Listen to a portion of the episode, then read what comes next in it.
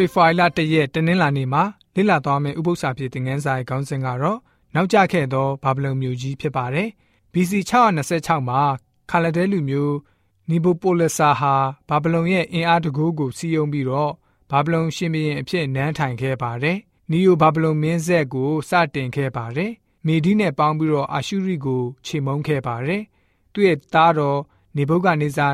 မင်းနှစ်ဟာယူဒနိုင်ငံကိုလာရောက်သိမ်းပိုက်တဲ့သူဖြစ်ပါတယ်။ BC 939မှာကုရုမင်းကြီးဟာဘာဗလုန်ကိုအောင်နိုင်ပြီးတော့မီဒိုပါရှန်အင်ပါယာကိုထူထောင်ခဲ့ပါတယ်။အဲ့ဒီမြို့တော်ဟာထောင်စင်လွတ်လပ်ရေးကိုဆုံးရှုံးသွားရပါတယ်။ BC 482မှာဇာဇက်ဘရင်တစ်ဟာပါရှန်တွေရဲ့အုပ်စိုးခြင်းကိုစန့်ကျင်ခြင်းနဲ့ဘာဗလုန်ကိုလူမဆန်စွာနှိပ်စက်ပြီးတော့မာဒုနှက်ရုတ်ထုကိုဖယ်ရှားပစ်ပါတယ်။မာဒုဟာဘာဗလုန်တွေကိုးကွယ်တဲ့အဓိကနတ်ဖျားဖြစ်ပါတယ်။အချို့ရဲတိုက်ခံတပ်နဲ့ဗိမာန်တွေကိုဖျက်ဆီးပစ်လိုက်ပါတယ်။ အလက်ဇန္ဒရာဘုရင်ဟာ BC 331မှာဘာဗလုန်မြို့ကိုပါရှန်တွေရဲ့လက်ကနေထပ်မံတိုက်ယူပြန်ပါတယ်။သူဟာအသက်တူတောင်းတော်လည်းပဲဘာဗလုန်မြို့ကိုကမ္ဘာမြို့တော်အဖြစ်ထားရှိဖို့စိတ်ကူးရင်ခဲ့ပါသေးတယ်။ဘာဗလုန်မြို့ဟာရာစုနှစ်များစွာပြစ်ထားခြင်းခံရပြီးတော့ပျက်စီးသွားပါတယ်။ AD 198မှာရိုမလူမျိုး Septimus Severus အဲ့ဒီပုဂ္ဂိုလ်ဟာဆိုလို့ရှိရင်ဘာဗလုန်မြို့ရဲ့နေရာကိုတွေ့ရှိခဲ့ပါတယ်။ဂန္ဓာယဘင်ကြီးလိုဖြစ်နေပြီးတော့လုံးဝ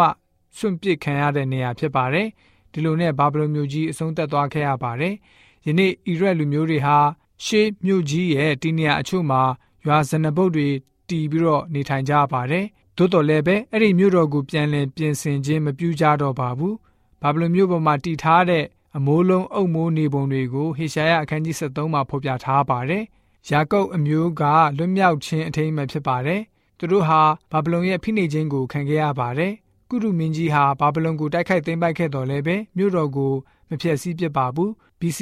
939အချိန်မှာဖြစ်ပါတယ်။သို့တော့ဘာဗလုန်ရဲ့ဏီကုန်းအစပဲဖြစ်ပါတယ်။နောက်တစ်ဖန်ထာတော်ဖျားရဲ့လူတွေကိုမချင်းချောက်နိုင်တော့ပါဘူး။ဟေရှာနဂရိကျန်ခန်းကြီး73မှာဖော်ပြတဲ့ဘာဗလုန်မြို့ကြီးကြဆုံးခြင်းဟာဖျားသခင်ရဲ့ဒဏ်ခတ်စီရင်ခြင်းဖြစ်တဲ့အကြောင်းတင်ဆက်ထားပါတယ်။မြို့တော်ကိုဝင်ရောက်သိမ်းပိုက်တဲ့စစ်သည်တော်တွေဟာဖျားသခင်ရဲ့တမန်တော်တွေဖြစ်တယ်လို့တင်စားထားပါတယ်။ တရားစီရင်တဲ့အချိန်ကာလကိုသခင်ဖျားရဲ့နေ့ရက်လို့ခေါ်ပါတယ်။ဖျားသခင်ရဲ့အမျက်တော်ဟာအလွန်ပြင်းထန်ပြီးတော့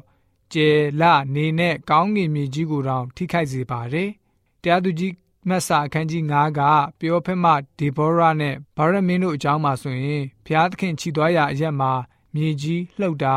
ကောင်းကင်မိုးရွာချခြင်းအကြောင်းတွေတွေ့ရမှာဖြစ်ပါတယ်။ တရားသူကြီးမတ်စာအခန်းကြီး9အငယ်20 21မှာသဘာဝဖြစ်ရတွေကိုရေးမှတ်ထားပါတယ်။ကောင်းကင်ကျဲတွေအပါအဝင်တပါးမျိုးသားတွေရဲ့လာရောက်ဖိနှိပ်ခြင်းကိုပြန်လည်တိုက်ခိုက်ခဲ့တဲ့အကြောင်းတွေ့ရပါတယ်။ဘာဗလုန်မြို့ကြီးမှာတဦးတယောက်ဟာနေထိုင်ပြီးတော့ဣရှာယအနာဂတိကျမ်းခန်းကြီး73ကိုဖတ်ရတယ်လို့သဘောထားကြည့်လိုက်ပါ။လုံးဝမဖြစ်နိုင်ဘူးအယူစကားတွေလို့သာသဘောထားပါလိမ့်မယ်အခြားမပြည့်စုံသေးတဲ့ပြောဖက်စကားတွေများရှိပါသလား ပြီးတော့ဖြစ်နိုင်စရာအကြောင်းမရှိဘူးအယူအတွေးလို့သတ်မှတ်ခြင်းခံရတဲ့ပြောဖက်ကြိုတင်ဟောကြားချက်တွေရောရှိပါသေးသလားကျွန်တော်တို့ယဉ်ကျေးသူများအနေနဲ့ဖျားရှင်ပြောထားခဲ့တဲ့အနာဂတ်စကားတွေကိုဆိုလို့ရှိရင်ယုံမှားခြင်းစိတ်မရှိဘဲနဲ့ဒီຢာတွေတကယ်ဖြစ်လာမယ်ဆိုတာကိုသိရှိပြီးတော့ဖျားရှင်ကိုပုံမအားကိုးယုံကြည်တဲ့ယုံကြည်သူတွေဖြစ်စေဖို့အတွက်တနင်္လာနေ့ဥပုသ္စာဖြစ်တဲ့ငန်းစာကဖော်ပြထားပါတယ်။